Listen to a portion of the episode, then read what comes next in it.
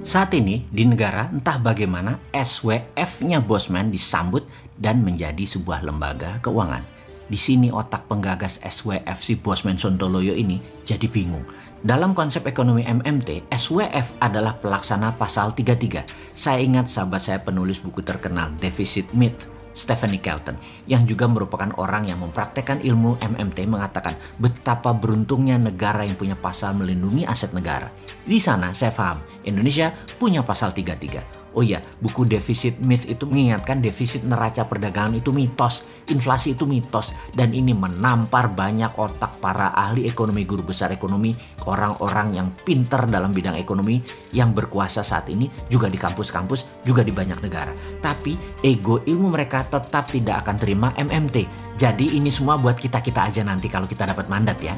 Yang new mind dapat mandat, kita praktekkan MMT-nya. Sekarang mimpi MMT dipraktekkan. Kembali ke SWF yang saat ini dijalankan pemerintah tanpa ilmu MMT.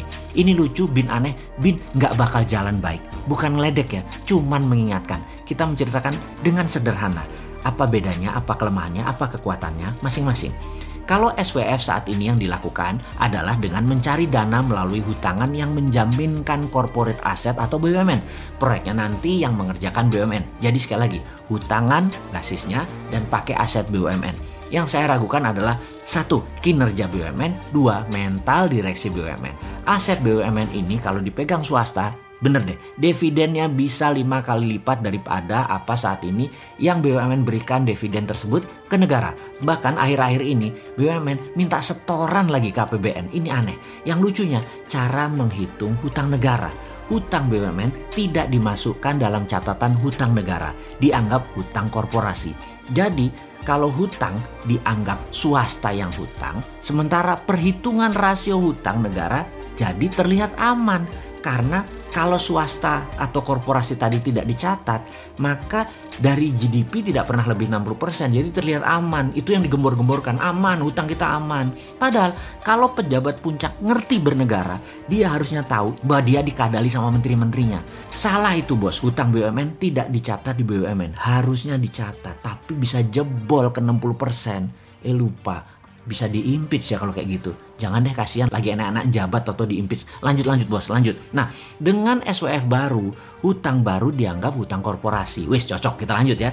Kalau SWF versi MMT-nya Mardi Gunomik itu aset mineral tambang tadi jadi jaminan, bukan hutang. Nah, proyeknya sama anggap BUMN yang mengelola. Namun uangnya bukan hutangan, yaitu kita memforward aset mineral tadi di switch diganti digeser ke sektor lebih produktif seperti manufaktur dan industri untuk ekspor dan produknya pengganti impor.